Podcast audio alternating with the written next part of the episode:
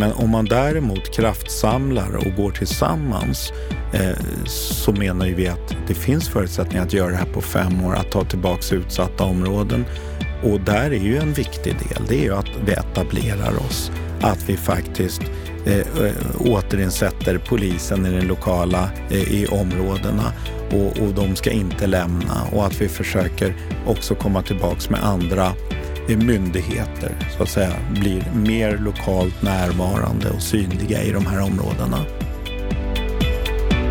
Vi har stora hållbarhetsutmaningar i vårt land. Klimatet är en av dem, men den sociala hållbarheten är en otroligt viktig fråga som har fått en stor plats i debatten, varit en stor valfråga. Hur ska vi öka tryggheten? Hur ska vi öka säkerheten i våra områden? Och det här är ett ämne som vi fördjupar i den här veckan. Magnus Lindgren, generalsekreterare på Tryggare Sverige, som menar att polisen behöver göras om i grunden. De behöver bli mer närvarande i våra bostadsområden. Och vår expertkommentator Lennart Weiss som kommenterar samtalet med Magnus, han menar att kommunerna, de behöver kliva fram på det här området. Varmt välkommen till Bopolpodden och ett mycket intressant samtal om en fråga som angår oss alla, som berör vårt samhälle och som är en av de frågor vi behöver prioritera högst. En ny vecka med Bopolpodden. Varmt välkommen. Jag heter Anna Bellman.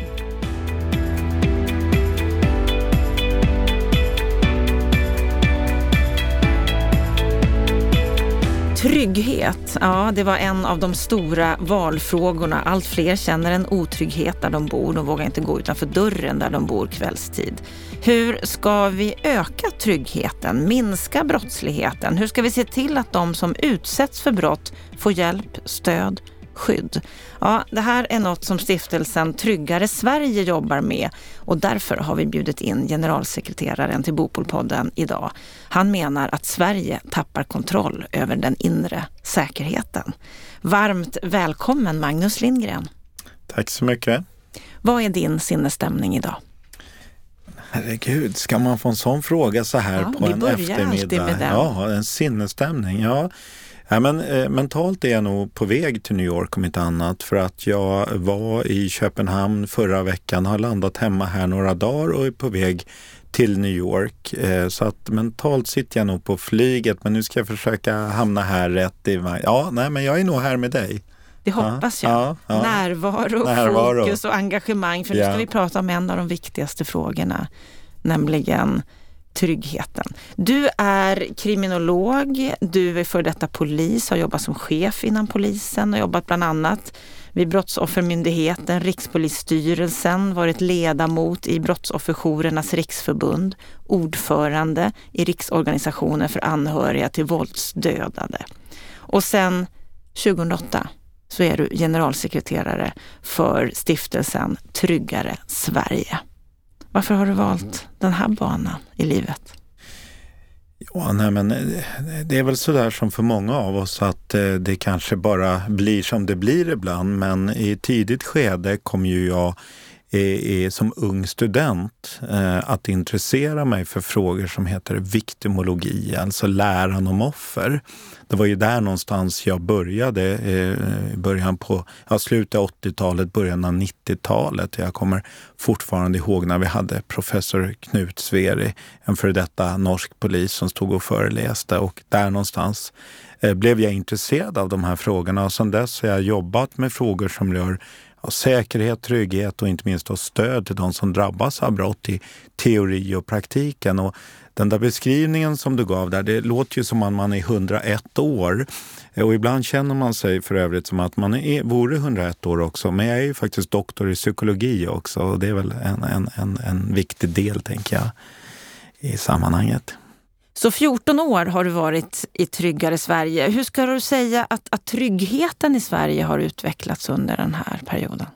Ja, inte odelat negativt och inte odelat positivt. Det där förtjänar ju att eh, benas upp lite för ehm, för det första så är det ju inget egenvärde eller självändamål att öka tryggheten på det sättet som det ibland framställs som i den offentliga debatten och inte minst i den galna valrörelsen som vi haft.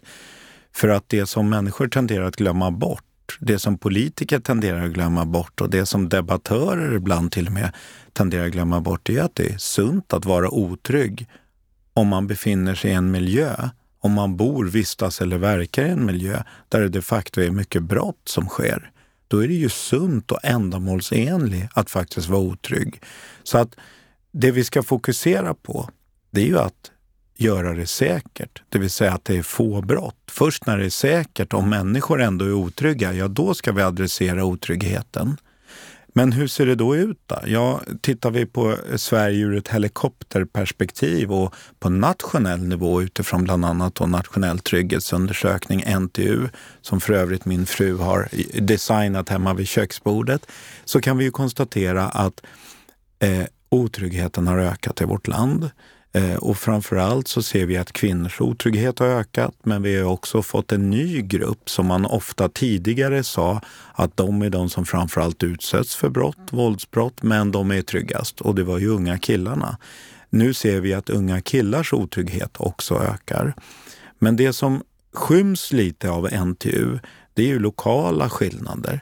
Så att jag menar att det har skett en trygghetspolarisering under de här gångna tio åren i den meningen att trygga kommuner och kommundelar tenderar att bli tryggare medan de kommuner och kommundelar som redan hade problem har blivit otryggare.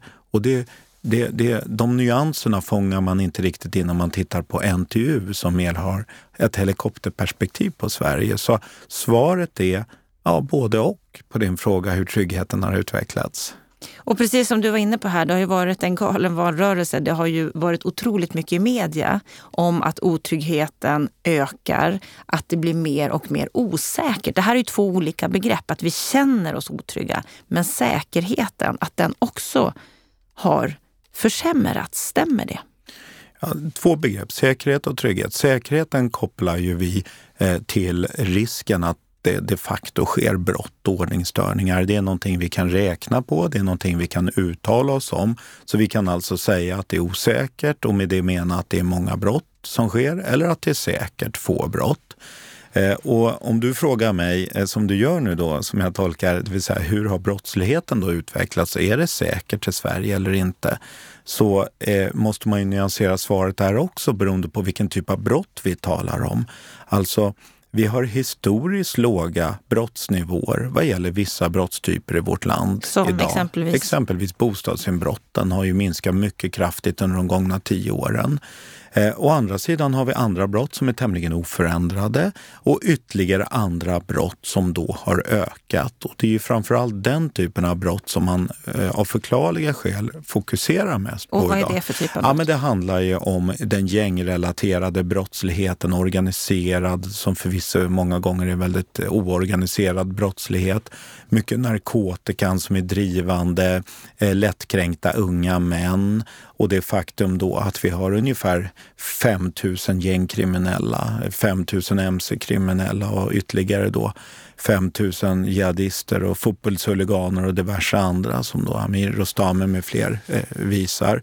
Så att eh, eh, vi har ju lite att bita i när det gäller eh, den typen av brottslighet, men vi kan inte generalisera och säga att, eh, som dysterkvistarna gärna vill göra, att allt blir värre. Brottsligheten ökar, otryggheten ökar. Det stämmer inte. Utan, Ger media en fel bild här? Oh ja. Eh, media och inte minst eh, många politiker i, i, i valrörelsen ger ju en vinklad bild som då förtjänar att nyanseras. Utan det handlar om vilka typer av brott vi talar om. Det handlar om vilken tidsperiod vi tittar på förstås. Och när det gäller tryggheten så handlar det om skillnader mellan bostadsområden och kvarter till och med. Och samtidigt mm. när jag läser en debattartikel av dig precis innan valet här ja. i augusti i mm. år i. Svenska Dagbladet, då säger du så här att kampen mot brottsligheten har aldrig fått den uppmärksamhet som den förtjänar av de politiker av olika partitillhörighet som styrt vårt land sedan efterkrigstiden. Har jag skrivit något sånt klokt? Det har du gjort. Ja. Och vad menar du med det ja, jag egentligen? Känner, jag känner igen det. Jo, det jag menar det är ju den situation som vi har i vårt land idag, som faktiskt då är viktigt att säga skiljer sig från situationen i många andra av våra nordiska och europeiska grannländer. Eh, det är ju inte så att det ser ut som det gör i Sverige, i Norge, Danmark och Finland eller för den delen i andra europeiska länder. Vi vet att det skjuts fler unga män i Sverige än i Tyskland. Det brinner fler bilar i svenska förortsområden än i Italien. Det sprängs fler bomber och granater eh, i Sverige än i Spanien. Eh, det brinner fler skolor i Sverige Norge, Danmark och Finland etc. etc.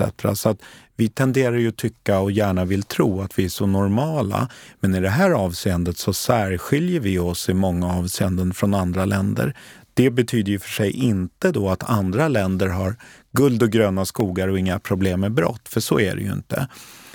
Paris och Bryssels förorter har enorma problem med segregation och gäng. Det är dubbelt så mycket bostadsinbrott i Danmark som i Sverige etc. Men det jag vänder mig mot är den här bilden som många ändå har, att, det, att, att Sverige är representativt. Så att det jag menar med den där skriv, skrivningen som du citerar, det handlar ju om den här viktiga frågan som sällan ställs. Hur har vi hamnat där vi har hamnat i vårt land uppe i norr? Där vi har en brottslighet som särskiljer sig från många andra länder. Och svaret på den frågan är ju att det inte beror på slumpen. Det beror inte på otur, det beror inte på tillfälligheter, utan situationen är självförvållad genom en rad eh, politiska beslut och icke-politiska beslut och tipping points under de senaste 50 åren. Därför menar jag och vi på Stiftelsen Tryggare Sverige att eh, som jag sa då i citatet, att, att ingen politiker oavsett färg har egentligen ytterst brytt sig om den inrikes säkerheten, om brottsligheten och tryggheten. För hade man gjort det så hade det förstås inte sett ut så här. Och vad är det man har missat från politiskt håll?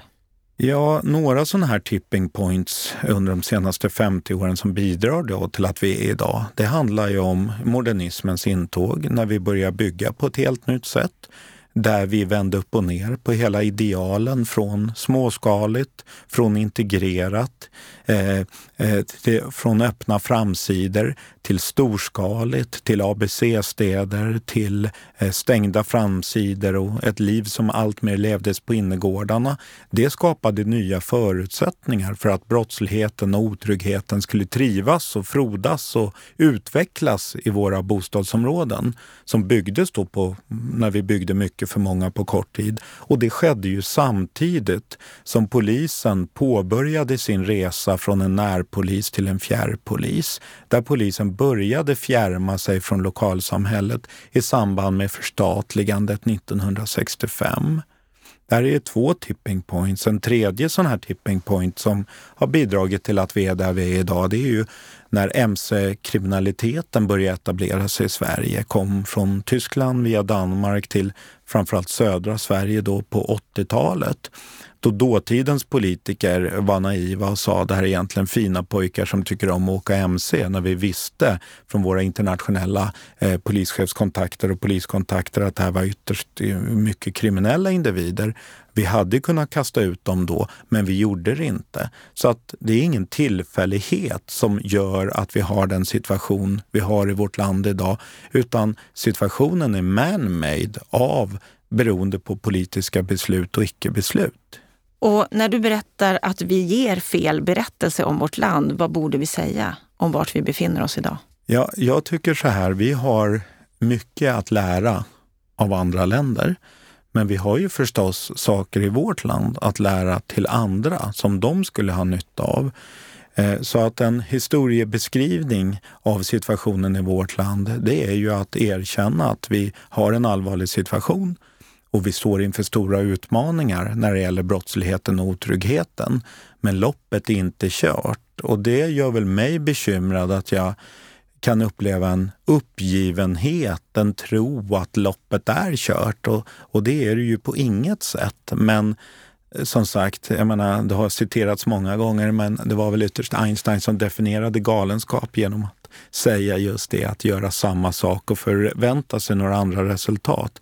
Det är inget annat än galenskap. Så här krävs det då det vi försöker bidra med från stiftelsen, nämligen nya idéer, nya lösningar och nya samverkansformer. Och ni bildades ju för 14 år sedan, partipolitiskt, religiöst obunden organisation. Vad är det ni gör? Ja, vi försöker ju hjälpa till i teori och praktiken, hjälpa kommuner, länsstyrelser, myndigheter, företag att utveckla och professionalisera sitt brottsförebyggande och trygghetsskapande arbete men också stödet till de som drabbas av brott. Och det gör vi som en icke vinstdrivande tankesmedja. Så att eh, vi tar betalt för det vi gör men eventuellt överskott går tillbaks till verksamheten för att kunna eh, göra gratisseminarier som vi gör hela tiden, studieresor subventionerade och allt möjligt. Och vem tar ni betalt av? Ja, vi jobbar ju med näringslivet. Vi har valt att inte ta pengar från stat eller kommun, den traditionella svenska modellen, utan vi har valt att värna om vårt oberoende och göra som våra systerorganisationer ute i världen. Så att vi eh, samarbetar med näringslivet, men vi tar aldrig mer än 100 000 per företag och år, för vi vill heller inte sitta i knä på ett enskilt företag. Eh, och då hamnar man ibland i den märkliga situationen och det här är väl en beskrivning av den svenska modellen där vi har varit en enpartistat i 50 år som har format vårt mindset. Att ibland så möter vi reaktioner från människor i vår omgivning eh, som innebär att vi skulle vara mindre trovärdiga för att vi inte tar statliga och kommunala bidrag. Det är bisarrt, det finns inget annat ord. Men det är en beskrivning av det mindset som vi många har i vårt land. Och hur går det? Hur fungerar ert arbete? Hur tas det emot? Vad ser ni för resultat? Ja, det finns ju en förkärlek, inte minst från politikers sida, att eh, prata ansträngningar snarare än resultat. Och därför eh, har vi försökt vinnlägga oss om att prata resultat snarare än ansträngningar. Eh, det vi har åstadkommit eh, är bland annat då att regeringen har tillsatt en oberoende trygghetsberedning där vi som enda icke-myndighet sitter med och kan påverka. Och syftet med det är att få till stånd en lite mer långsiktig och mogen kriminalpolitik. Eh, här kan man ju jämföra med den yttre säkerheten Eh, och försvarsberedningen där man har haft en lite större samsyn, en större långsiktighet och större mogenhet. Eh, så att det, det, det ser vi som en viktig del. Vi ligger bakom den lagstiftning som kommer av allt att döma träda i kraft inom kort som ger kommunerna en lagstadgad skyldighet att förebygga brott. Vi ligger bakom att polisen i större utsträckning gör hot och riskbedömningar eh, när man får in anmälningar om brott i nära relationer. Vi ligger bakom att man allt mer börjar jobba med det som kallas för BID, Business Improvement District, eller platssamverkan i utsatta områden. Vi ligger bakom att fastighetsägare allt mer börjar certifiera och besiktiga sina bestånd för att se hur man kan bygga bort brottsligheten och bygga in tryggheten. Ja, några exempel på vad vi har åstadkommit snarare än ansträngningar. Och ni har ju också gjort en rapport som heter Vägar till ett säkrare och tryggare Sverige. Och jag nämnde ju här inledningsvis att du menar att Sverige tappar kontroll över den inre säkerheten. Och du har bland annat, eller ni säger bland annat i den här rapporten att resultaten visar en tydlig bild av ett samhälle som inte fungerar med myndigheter som inte gör vad de ska och ett land som håller på att tappa kontrollen över den inre säkerheten. Och trots allt som faktiskt görs, varför är det så? Varför håller vi på att tappa kontrollen över den inre säkerheten? Drar man en parallell till Danmark där jag var i förra veckan så tror jag att man kan få ett svar på den frågan. Eh, I Danmark har man ju till skillnad från oss här i Sverige haft svaga minoritetsregeringar i 50-60 år. Man har med andra ord varit tvungen att lägga ideologier och kliva ner från sina fina höga ideologiska hästar och vara mer pragmatisk och göra överenskommelser över parti och blockgränser för att på det sättet borga för att man inte river upp besluten efter fyra år när det har varit omval och någon ny konstellation av mindre partier kommer. Vi har levt i en enpartistat där Socialdemokraterna på gott och ont har styrt och har varit ett, eh, det, det största partiet i 50 år.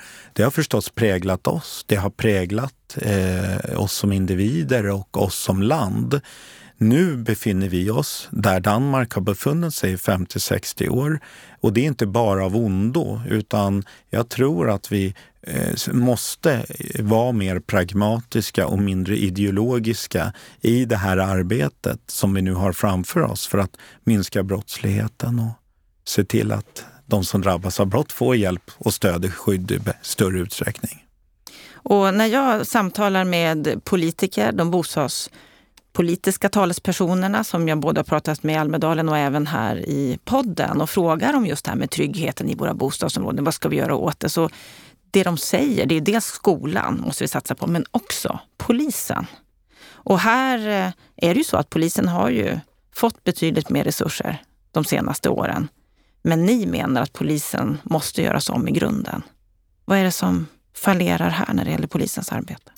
Tittar vi på det resurstillskott som svensk polis har fått sedan förstatligandet och eh, snarare kanske ska man säga centraliseringen då 2015 eh, då de tidigare 21 eh, länsmyndigheterna slogs ihop till en enda nationell myndighet som styrs från Polhemsgatan 30 i Stockholm, så har man fått en resursförstärkning i runda slängar som omfattar 60 procent. Däremot så visar de allra flesta resultaten fortfarande på rött. Så vi har så att säga inte fått ut effekt av de ökade resurstillskott som polisen har fått. Eh, där man har anställt mängder med ny personal, inte minst civilanställda. Eh, och eh, därför menar vi att det går inte längre att lappa och laga svensk polis. Polisen har ju också haft en förkärlek att tala om vad alla andra ska göra. Eh, men väldigt lite om vad man själv ska göra. När jag var chef inom polisen så hade jag ett liknande mantra. Men jag tycker att det är klädsamt att tala först vad vi från polisens sida ska göra.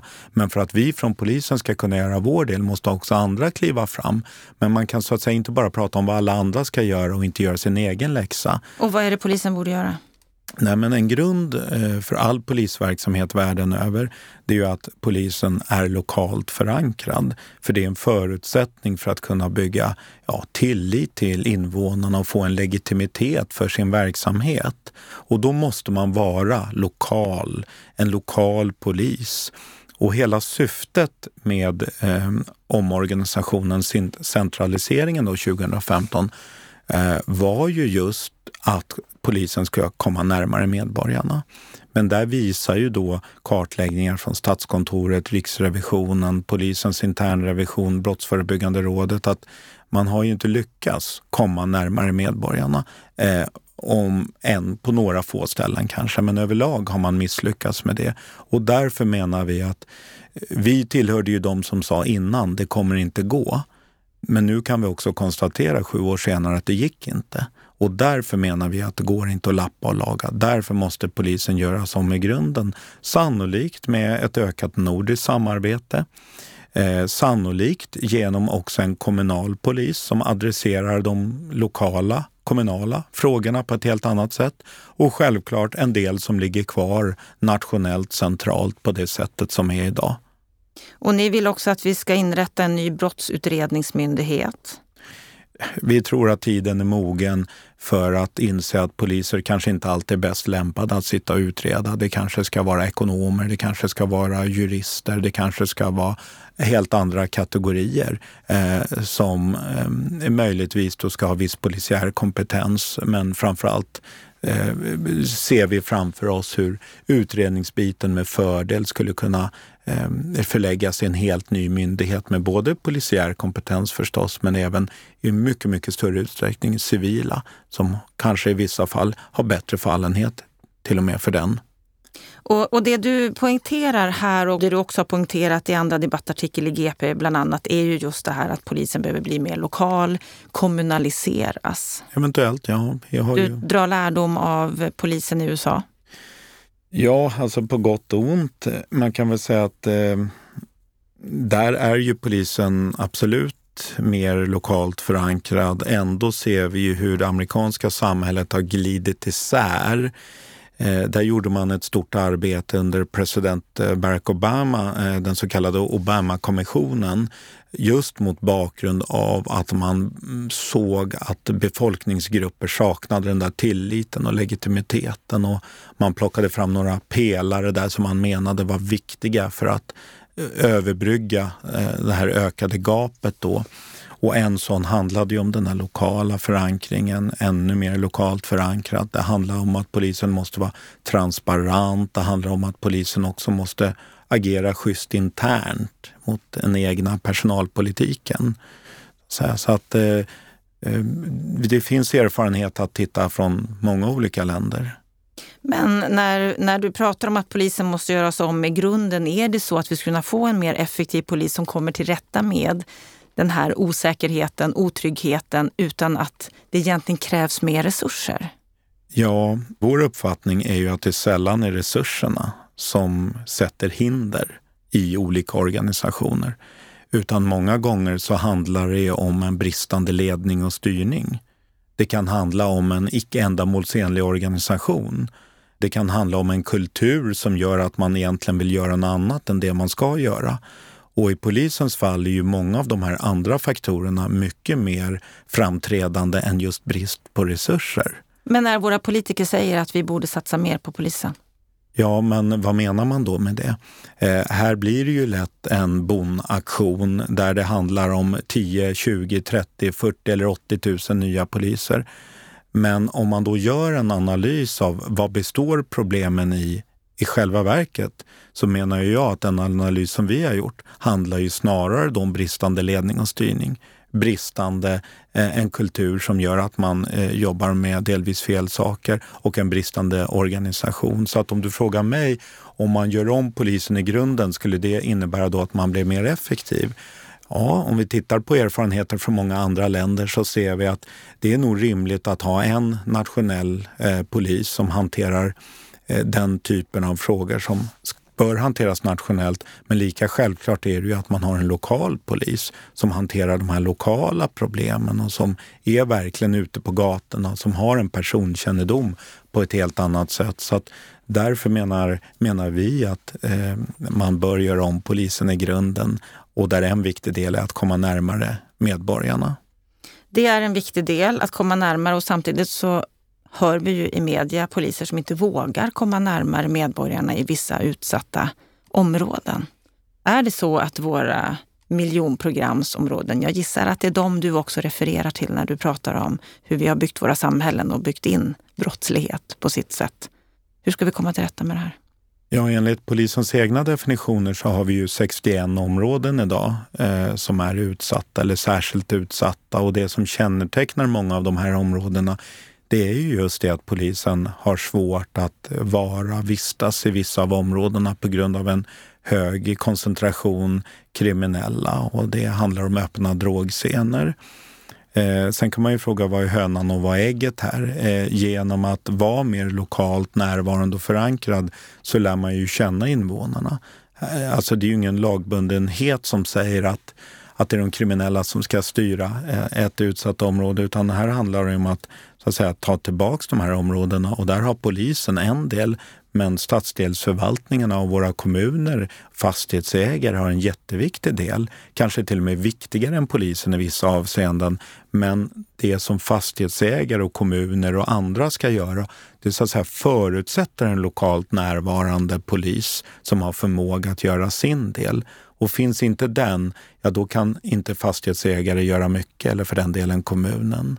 Och vad är det fastighetsägarna och kommunen ska göra?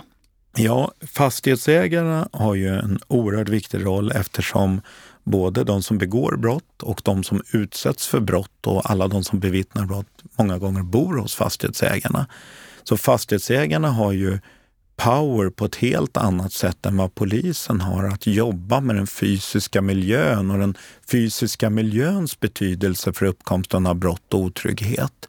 Och där ser vi att många fastighetsägare tar stora steg. Vi har ju gjort ett arbete tillsammans med Fastighetsägarna eh, och Fastighetsakademin där vi har kartlagt de vanligaste problemen som fastighetsägare sitter med i utsatta områden de problemen handlar förenklat om å ena sidan de kriminella gängen och där tillhörande brottslighet med öppna drogscener etc. Å andra sidan handlar det om gäng eh, eller häng av ungdomar med tillhörande brott som olaga intrång och skadegörelse. Och vi har också tagit fram en kostnadsfri sajt som heter tryggfastighet.org eh, där eh, fastighetsägare kan ange vilka så att säga, trygghetsproblem man har och så får man fram då evidensbaserade åtgärder utifrån både svenska och internationella erfarenheter vad man kan göra.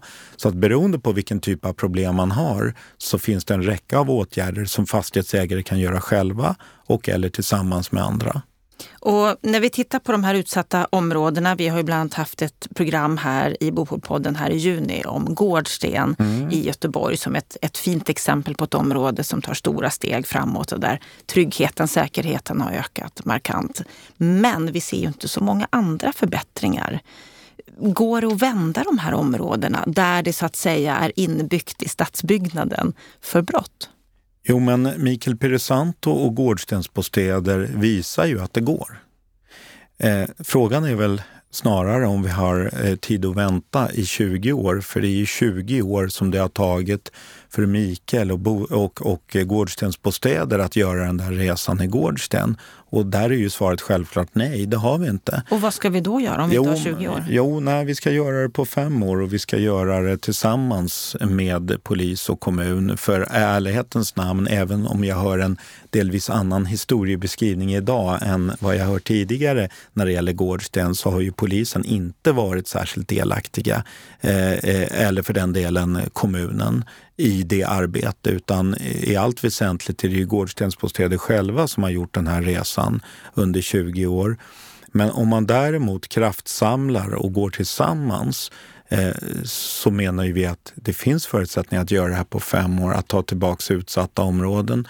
Och där är ju en viktig del, det är ju att vi etablerar oss. Att vi faktiskt eh, eh, återinsätter polisen i den lokala, eh, i områdena och, och de ska inte lämna och att vi försöker också komma tillbaks med andra eh, myndigheter, så att säga, blir mer lokalt närvarande och synliga i de här områdena. Men hur hög skulle du säga att medvetandegraden är hos kommunen och hos polisen vad som krävs? Idag är den väldigt hög, alltså om problembilden. Eh, de första 12 åren av våra 15 verksamhetsår som vi är uppe i nu där var det ju väldigt svårt att tala lösningar. Av det enkla skälet att det var så mycket käbbel om hur situationen och utmaningarna egentligen såg ut. Där eh, vissa menade att det, det blir bättre och bättre dag för dag och andra menade att allt var åt helskotta. Så man var ju så att säga inte ens överens. Idag menar ju vi att alla i allt väsentligt är överens om att vi har en allvarlig situation och står inför stora utmaningar. Ja, då, man, då är man överens över problembilden. Och då är det lättare att så att säga blicka framåt och se, men vad ska vi då göra och vem gör vad? Och det är ju där vi är idag. Men vi har tappat många, många år på att käbbla hur det egentligen är.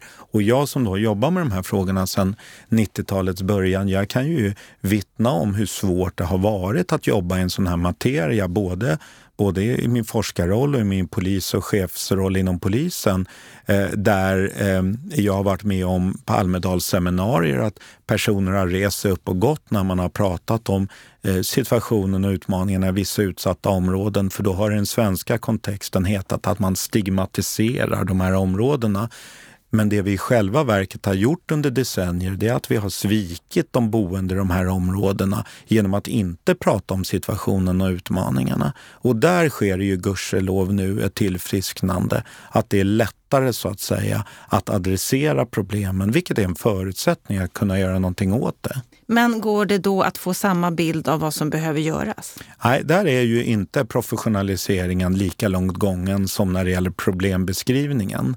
Och ibland så fastnar man i problembeskrivningen så att man inte kommer vidare i lösningarna. Men jag tror att våra samlade erfarenheter visar ju att vid sidan av den där lokalt närvarande eh, polisen som känner invånarna och är kända invånarna så handlar det om skolan och här kan man också lätt fastna i en retorik för att säg den politiker som inte pratar om barn och unga, som inte pratar om skolor och som alla inte pratar det. om utsatta områden. Alla gör det. Men här handlar det om att lägga ihop de här parametrarna. Och lägger vi ihop parametrarna barn och ungdomar, skola och utsatta områden så ser vi ju att många gånger är det ju de sämsta skolorna i de mest utsatta områdena med minst antal lärare, med minst andel behöriga lärare och där den fysiska miljön lämnar extremt mycket i övrigt att önska. Eh, det borde förstås vara precis tvärtom. De bästa skolorna är de mest utsatta områdena med ordning och reda. Och så är inte fallet. Så det är ju den andra viktiga delen förutom polisen för att bygga lite mer långsiktigt. Och sen har vi också då stödet till de som drabbas av brott. Brottsoffer, som vi sa under många år, de brottsutsatta, de är ju åter den glömda gruppen i samhället. De har ju lyst med sin frånvaro i den här valrörelsen. Du menar att stödet till stödet dem till har de som drabbas av brott? Precis, ja. Och, och, så att förutom den där lokalt närvarande polisen förutom ordning och reda i skolan med nolltolerans mot brott och de bästa skolorna i de mest utsatta områdena, så är en viktig del att se till att de som drabbas av brott alltid får hjälp, stöd och skydd.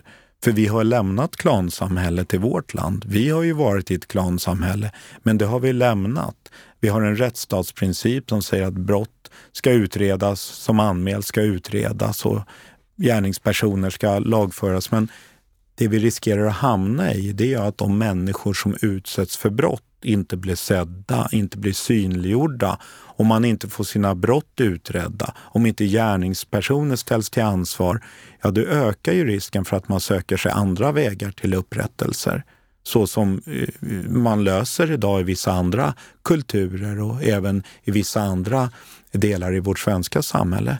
Och den vägen eh, tror vi inte är rätt väg att gå det är, det är många saker som behöver tas hand om när man lyssnar på dig, Magnus. Vad förväntar du dig?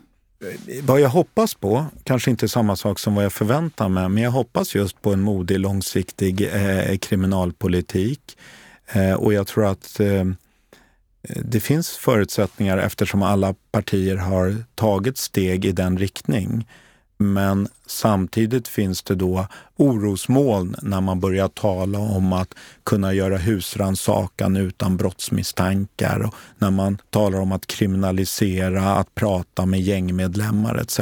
Så att här, här ska vi nog fortsätta att ta steg i rätt riktning men vara uppmärksamma så att inte det här sker på bekostnad av rättssäkerheten. Kan rättssäkerheten, kan vi få ett tryggare Sverige? Vi kan få ett eh, säkrare Sverige, vilket är det primära. Eh, eh, vi kan också absolut få ett tryggare Sverige. Men eh, som sagt, vi måste då jobba på lite nya sätt. Och det handlar absolut till en mycket liten del om resurser och lagstiftning som den politiska debatten nästan uteslutande handlar om. Det handlar om andra saker som vi har pratat om här ja. just nu. Ja. Stort tack Magnus för att du kom och delade detta i Bopolpodden. Tack.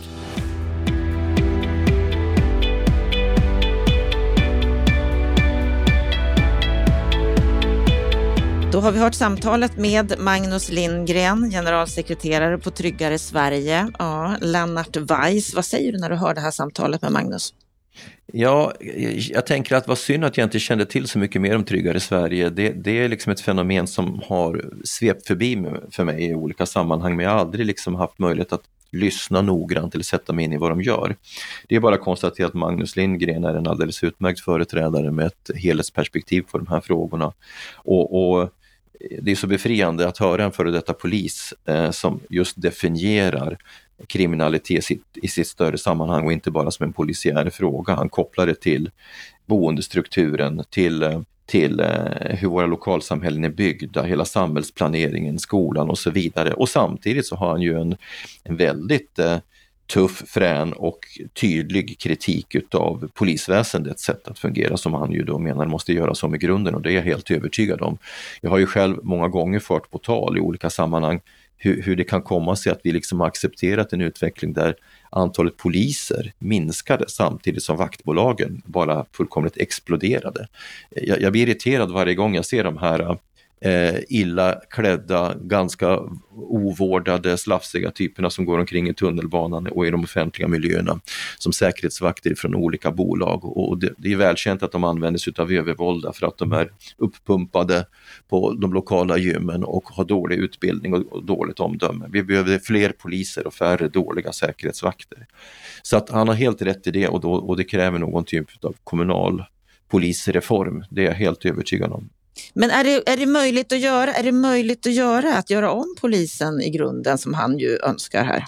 Ja, det tror jag absolut att det är. Men jag skulle nog säga att det vore bra om kommunerna klev fram. Jag är jätteförvånad över att inte till exempel storstadskommunerna som Stockholm, Göteborg, Malmö sedan länge har sagt att antingen så får ni se till att, att en del av polisen avdelas för lokala frågor eller så kommer vi faktiskt att börja driva eh, kravet på att skapa en egen kommunal polis, rent av kanske försöka ta steg i den eh, riktningen eh, som lite halvt civil olydnad.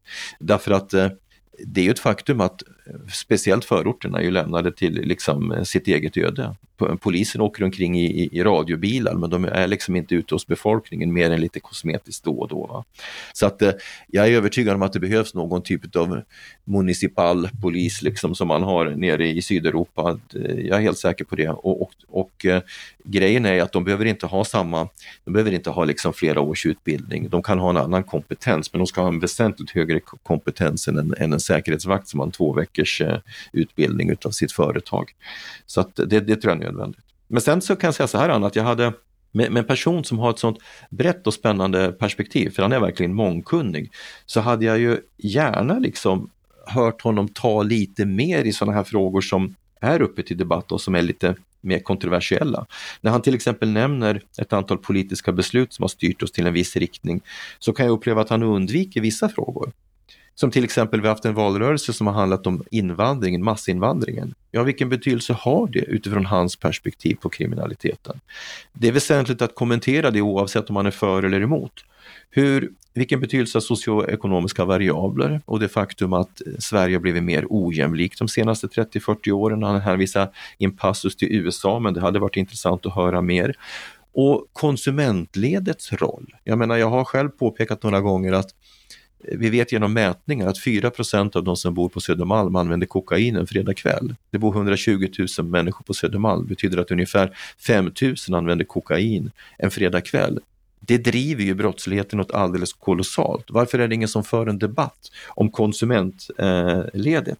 Och sen har du liksom värderingar och så vidare. Va? Så att eh, den här trygghetspolariseringen den är väldigt i hög grad skapad av att människor i välbeställda stadsdelar köper narkotika och annat som driver sen, som skapar sen otryggare miljöer i förorterna. Eh, och, och, det behöver man liksom lyfta fram och diskutera och det hade jag välkomnat om Magnus hade gjort. En sak som vi pratade om det var ju det här med stadsbyggnad som ju skapar otrygghet. Han menar ju att många av det vi kallar våra miljonprogramsområden, att där finns otryggheten inbyggd i utformningen. Hur, hur ser du på det resonemanget? Jag håller med om det och eh, eh, jag, jag, brukar ju påpeka två saker i den här debatten. Det ena är själva bebyggelsemiljön. Alltså om den är ensidig, då främjar det en viss sorts befolkning. Men det har också koppling till upplåtelseformer. Om du har bara hyresrätter och därmed eh, företrädesvis bygger mer små lägenheter än stora, då får du en segregation. Du kan göra tankeexperimentet Anna att Östermalm låg i Husby och Husby låg på Östermalm. Skulle befolkningssammansättningen se ut på samma sätt då? Nej, det skulle det inte göra. Hur du bygger ett samhälle strukturellt, upplåtelseformer, eh, lägenhetstyper och så vidare har alltså betydelse för den sociala sammansättningen. Eh, för det finns nämligen attraktiva boendemiljöer på vissa ställen där, man, där, där, där så att säga man inte har följt med i andra avseenden. Jag menar, eh, du kan ta Henriksdalsberget i Stockholm, det består av bostadsrätter men det är ganska låga överlåtelsevärden ändå. Det har med bebyggelsemiljön att göra. Du har ganska snygga hus i, i, i Östberga, nära välbärgade områden, men som har blivit fotfäste för kriminella. Varför? Därför att du valde en ensidig upplåtelsestruktur, där var upp, ensidiga upplåtelseformer. Så man måste definitivt bryta i det. Och han, han säger också i förbigående att man måste också titta på det här med arbetsplatser och service. Absolut. Här måste ju ske en återetablering. Jag skulle ju som eh, Stockholms stad ställa krav på att alla de här eh, eh, företagen och banker och andra som, som eh, finns i city flyttar ut verksamhet till förorterna. Kommunen, varför ska inte kommunen ha samma ordnade servicekontor som vi ställer krav på att staten ska ut i landsbygd och glesbygd? Det måste helt enkelt finnas ett normalt liv i de här förorterna också om människorna där ute ska känna att de är respekterade och sedda eh, och värda lika mycket som vi andra. Och så ser det inte ut idag. Så att eh, där har ju politiken fortfarande otroligt mycket att göra. Jag, jag är övertygad om att det här är en av de Alltså den sociala tryggheten är en av Sveriges två största utmaningar de kommande 10-15 åren. Den andra utmaningen handlar om den gröna omställningen. Men vi har två hållbarhetsproblem som måste adresseras. Och då kan jag bara säga så här till Magnus, jag tycker du är bra, men ta större plats i debatten. Jag skulle vilja se Tryggare Sverige på DN Debatt lite då och då och ta också ställning i de här kontroversiella frågorna. Då kommer organisationen bli ännu mer relevant. Mm. Han har varit ute en del i debatten på slutet och Magnus, vi vill se dig ännu mer i debatten. Stort tack Lennart. Det här är frågor som är viktiga. Kommunen behöver ta större roll. Polisen behöver bli en närpolis om vi kort sammanfattar det Magnus och Lennart har sagt här i programmet. Stort tack till dig som lyssnar på Bopolpodden. Vill du höra mer, läsa mer, gå in på bostadspolitik.se. Med detta så önskar jag dig en trevlig vecka så hörs vi på fredag igen. Då är vi tillbaka med det senaste som har hänt under veckan. Må så gott!